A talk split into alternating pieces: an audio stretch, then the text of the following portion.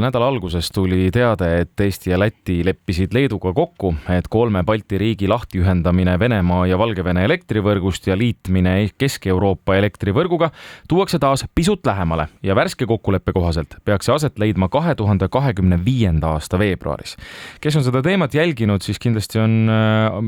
mäletavad ja, ja on aru saanud, et Leedu on ju öelnud, et nemad oleksid seda valmis kasvõi kohe tegema, küsimus on olnudki selles, et miks Eestis see asi nii kaua aega võtab. mis see sünkroniseerimine, desünkroniseerimine sünkroniseerimine on, mis selleks vaja on ja miks siis Eestil sellega aega läheb. et selles veidikene selgust tuua, oleme me võtnud nüüd Skype'i teel ühendust Tallinna Tehnikaülikooli energiatehnoloogia professori Alar Konistiga, tere hommikust! tere hommikust! Alar, kui natukene selgitada lahti võib-olla alustuseks üldse see sünkroniseerimine ja desünkroniseerimine, siis äh,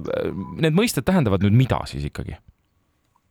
sisuliselt see tähendab seda, et me peaksime olema äh, Äh, Mandri-Euroopaga ühtses äh, sagedusalas ehk me peaksime suutma seda sagedust hoida ja seda sagedust äh, senimaani me oleme hoidnud Venemaa abil, Venemaa toel, aga kui me need ühendusliinid Venemaaga sulgeme, siis on meil vaja tegelikult mingisuguseid muid tehnilisi ja tehnoloogilisi lahendusi, et seda sagedust hakata hoidma ja üheks abivahendiks siin ongi siis äh, sünkroonkompensaator ja Eestisse rajatakse neid hetkel äh, juurde või rajataksegi kolm sünkroonkompensaatorit, mis siis peaksid hakkama aitama me seda sagedust äh, hoida, aga, aga tegelikult see probleem on ikkagi natukene keerukam, et sünkroonkompensaator iseenesest energiat juurde ei tekita, vaid ta aitab hoida sagedust ja, ja kui täna meil on Euroopas energia defitsiit ehk me, me energiat ikkagi impordime kolmandatest riikidest, siis, siis sünkroonkompensaatorite ainuüksi paigaldamine ei lahenda seda kogu võrrandit, et meil on vaja vaadata ka nüüd edasi järgnevaid samme ja, ja siis võtta selles suhtes ka vastu otsuseid, et kui, kui täna nüüd öeldaksegi, et me ühendame lahti siis äh, sageduse poole pealt probleeme jah, tõesti ei teki, aga tootmisvõimekuse ja elektrisüsteemi reguleerimise seisukohalt oleks ikkagi vaja ka kiiremas korras võtta vastu mingisuguseid otsuseid, sest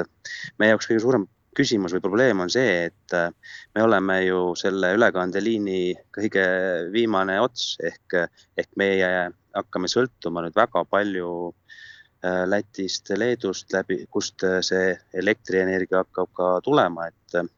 et selles võtmes äh, ma nagu ei paneks küll kellelegi süü, süüks, et me siin Eestis oleme olnud konservatiivsed, et pigem ma igal juhul toetan sellist konservatiivset energiapoliitikat, et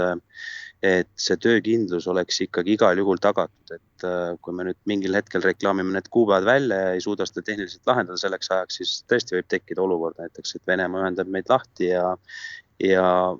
midagi hullu ei juhtu, et selles kindlasti probleemi ei ole. aga siis selle süsteemi üleval hoidmine läheb palju kulukamaks ja, ja sellega tuleb arvestada, aga, aga ta läheb kulukamaks nagunii.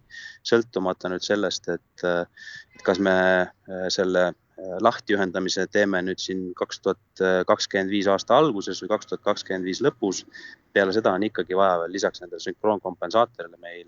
teha täiendavaid investeeringuid, nii et selleks tuleb tegelikult valmis olla ja tegelikult sellel teemal võiks selline poliitiline debatt juba ka alata, et mida me siis, äh, mida me siis nagu tulevikuvaateliselt ette võtame, et üks on jah, äh, lahendus on salvestus, aga, aga kuskilt on vaja seda energiat ka juurde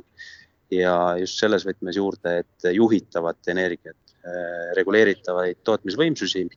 millega me suudame seda energiat toota sel hetkel, kui me oleme juba akudesse salvestatud energia või, või salvestustehnoloogiatesse salvestatud energia ära kasutanud ja, ja meil on ikkagi seda energiat juurde vaja. Ja, ja selleks, selleks on palju erinevaid lahendusi erinevate hindadega ja, ja, ja selle, selle koha pealt tõesti, ma arvan, et tuleks hakata pidama sellist diskussiooni ja just ka selles võtmes veel, et kui me oleme selle ülekandeliini täitsa lõpus, siis äh, milline oleks ikkagi selline hea ja töökindel lahendus ja, ja millega me saaksime siis hakkama ka edaspidi aastast ka kaks tuhat kolmkümmend ja, ja sealtmaalt edasi, sest täna me räägime siin ikka nii, ikkagi aastani kaks tuhat kolmkümmend, heal juhul võib-olla kaks tuhat kolmkümmend viis, aga sealtmaalt edasi meil pikka plaani ka ei ole, nii et, et ka selles võtmes tuleb seda asja nagu põhjalikult analüüsida ja otsuseid vastu võtta. mis puudutab sedasama sagedust, noh, kui ma korra veel hüppan tagasi selle sünkroniseerimise juurde, ma saan aru, et see on viiskümmend hertsi ja et kui noh, kes igapäevaselt sellega kokku ei puutu, ma saan aru, et miks meil on, see on selline ühtne standard, et kui nüüd see kõikuma hakkab, miks see sünkroniseerimine on, see tähendab seda, et meil mõned kodumasinad lihtsalt ütlevad üles või mingid tehnikavidinad ütlevad üles, olen ma õigesti aru saanud? Jah, te olete väga õigesti aru saanud ja sõltuvalt äh, siis äh, majapidamises olema, olevast seadmest, need äh, lubatavad kõikumised on erinevad ja, ja nii mõningadki seadmed on, on selle kõikumise osas väga tundlikud ja siis nad tõesti enesekaitseks tegelikult lülitavad ennast süsteemist või tööst välja. Ja, ja sellega noh, kaasneb hulgaga muid erinevaid äh, probleeme, aga kui vaadata nagu võrgu seisukoha pealt, et siis ka võrgu seisukoha pealt ongi see tolerants vaja tagada, ehk see sagedus ei tohi väga palju kõikuda, kui ta hakkab kõikuma rohkem, siis äh, meie energiavõrgud on üles ehitatud nii, et nad hakkavad kõigepealt iseennast kaitsma, ehk nad hakkavad välja lülitama siis neid piirkondasid, kus see kõikumine on suurem või kus see kõikumine on tekitatud, et see süsteem nagu püsti jääks, aga jah, igal juhul on teil õigus, et majapidamise seadmed kõik vajavad kindla sagedusega elektrivoolu ja, ja, ja, ja selle jaoks meil on neid kompensaatoreid vaja juhul, kui Venemaa otsustab ühepoolselt asja ära ja tõmbab nii-öelda praegu juhtme seinast välja, mis siis juhtub? siis ei juhtu midagi. Äh, kuidagi väga optimistlikult võib-olla ütlen seda, aga, aga meil ei juhtu midagi täna sellepärast, et äh, õnneks on meil olemas ikkagi enda Narvas olevad äh, põlevkivil töötavad ja, ja siis ka teistel kütustel töötavad elektrijaamad. Ehk kui äh, on oht või on, kui on probleeme selle, selle sagedusega, siis me saame neid jaamasid hoida ka töös ja me saame neid jaamasid hoida töös ka mitte täisvõimsusel, vaid ka niisugusel teataval osakoormusel ja, ja see aitab kindlasti hoida seda sagedust äh, nagu meil vaja on, aga siis me peame ka aru saama, et, et, et neid jaamasid siis töös hoida, see on täiendav kulu ja selle me peame siis kinni maksma, aga tehnilise poole pealt ei, ei kindlasti ei pea kartma aga pikk plaan, nagu te ütlesite, et jah, praegu ei juhtuks mitte midagi ja kui kõik sujub, siis aasta kaks tuhat kolmkümmend ja kolmkümmend viis kõik justkui sujub. mis edasi, mis see hea pikk plaan siis on? et ähm, põlevkivikaevandused ju ka ühel päeval kavatsetakse kinni panna see on jah poliitilise kokkuleppe küsimus või ühiskonna, ühiskonna küsimus, et mida me tõesti teha tahame, et äh, mina hea meelega hoiaksin neid äh, kodu, kodumaisel kütusel baseeruvaid äh, tootmisvõimsusi ja, ja rajaks ka tegelikult uusi. ja millega oleks võimalik saavutada ka täpselt samamoodi selline noh, mille, mille me täna oleme kokku leppinud, kliimaneutraalsus, et see on saavutatav ka põlevkiviga ja siis ei sõltu me äh, teistest äh, riikidest ehk kui on näha, et energiat enam piirkonnas ei ole, suudame seda energiat alati ise toota. Ja, ja see on, mina leian küll üks kõige tähtsam energiajulgeoleku komponent üleüldse, et energiajulgeolekus alati tuleb rääkida ka sellest, et kas see lähtekütus on imporditav või mitte. Ja kui ta on imporditav, siis äh, see energiajulgeolek kindlasti ei ole selline, kui, kui ta on nüüd, kui meil on kodu kodumaiseid kütuseid kasutada, on ta siis nüüd puidupõhine või on ta põlevkivil baseeruv, aga, aga see kindlasti annab selle energiajulgeoleku. Ja miks ma selle välja tõin, et, et on vaja teha otsuseid, siis on just seetõttu, et äh, nii nagu teil on auto, äh, auto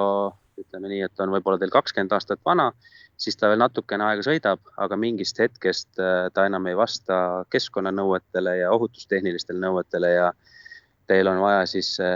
auto välja vahetada ja sama on täna meie energia tootmisseadmetega, suurt, suurte energia tootmisseadmetega, et nende ressurss ja eluiga on ammendunud. ja, ja, ja ütleme ka nii, et, et need tolmpõletuskatlad, mis meil on olnud äh,, heal juhul nad veel siin, ma ei tea, viis kuni kümme aastat veel peaksid vastu. aga vaadates nende keskkonna jalajälge, et siis kindlasti ei tasuks nendega jätkata, et, et siis me nagu ühelt poolt üritamegi keskkonnamõjusid märkimisväärselt vähendada, aga samas, kui me paneme need, need tööle, kui on häda käes, siis, siis me nullime selle tekitatud positiivse keskkonna kokkuhoiu efekti ära ja, ja sedasi kindlasti ei tohiks käituda, ehk va vaadata tulekski ikkagi uute tehnoloogiate poole, uute võimaluste poole ja see tegelikult tähendab ka seda, et me peame aru saama, et meil tuleb teha investeeringuid ja siin ei saa alati loota ka sellele, et Euroopa Liit nüüd muretseb meie eest, et, et see energiajulgeolek on see, mille eest me tegelikult ikkagi siin Eestis ise peame muretsema ja selle eest hea seisma. aga hetkel siis see seis on selline, et miks meil on see toodud, noh, kui Leedu ütleb, et nemad on valmis homme päev lahti ennast ühendama, siis järelikult nende seis on nii palju parem kui meil, me ikka jätkuvalt ehitame neid vajalikku infrastruktuuri, see on see põhjus, miks me ei saa seda täna teha. Täpselt nii, et mm. neil on see võima- või,, võimekus ja võimalus juba täna olemas, aga siin ma ütlengi, et tegelikult naabrid peaksid kokku hoidma ja, ja ei tohiks teisi tagant kiirustada, et, et, et elektrisüsteem ja, ja võrgu, võrkude süsteem on ikkagi selline, mis peab igal ajahetkel toimima ja, ja seetõttu ega energeetikuid ei ole ka ju tähele pannud, et, et millal teeb insener head tööd. insener teeb head tööd siis, kui teda ei märgata. Ja järelikult tuleb seniseid otsuseid äh, ainult kiita, mida energeetikud on teinud ja, ja usaldada neid, et äh, kui nad ütlevad, et töö, äh, võrgutöö stabiilseks toimimiseks on vaja veel natukene aega, siis, siis kindlasti tuleb seda tegelikult ka neile anda aitäh, Tallinna Tehnikaülikooli energiatehnoloogia professor Alar Konist meiega täna hommikul vestlemast ja tervitused sinna Hiina, ma saan aru, et seal on kell hoopis teine kui meil siin praegu. ja meil on juba lõuna, nii et suured tänud ja ilusat päeva teile.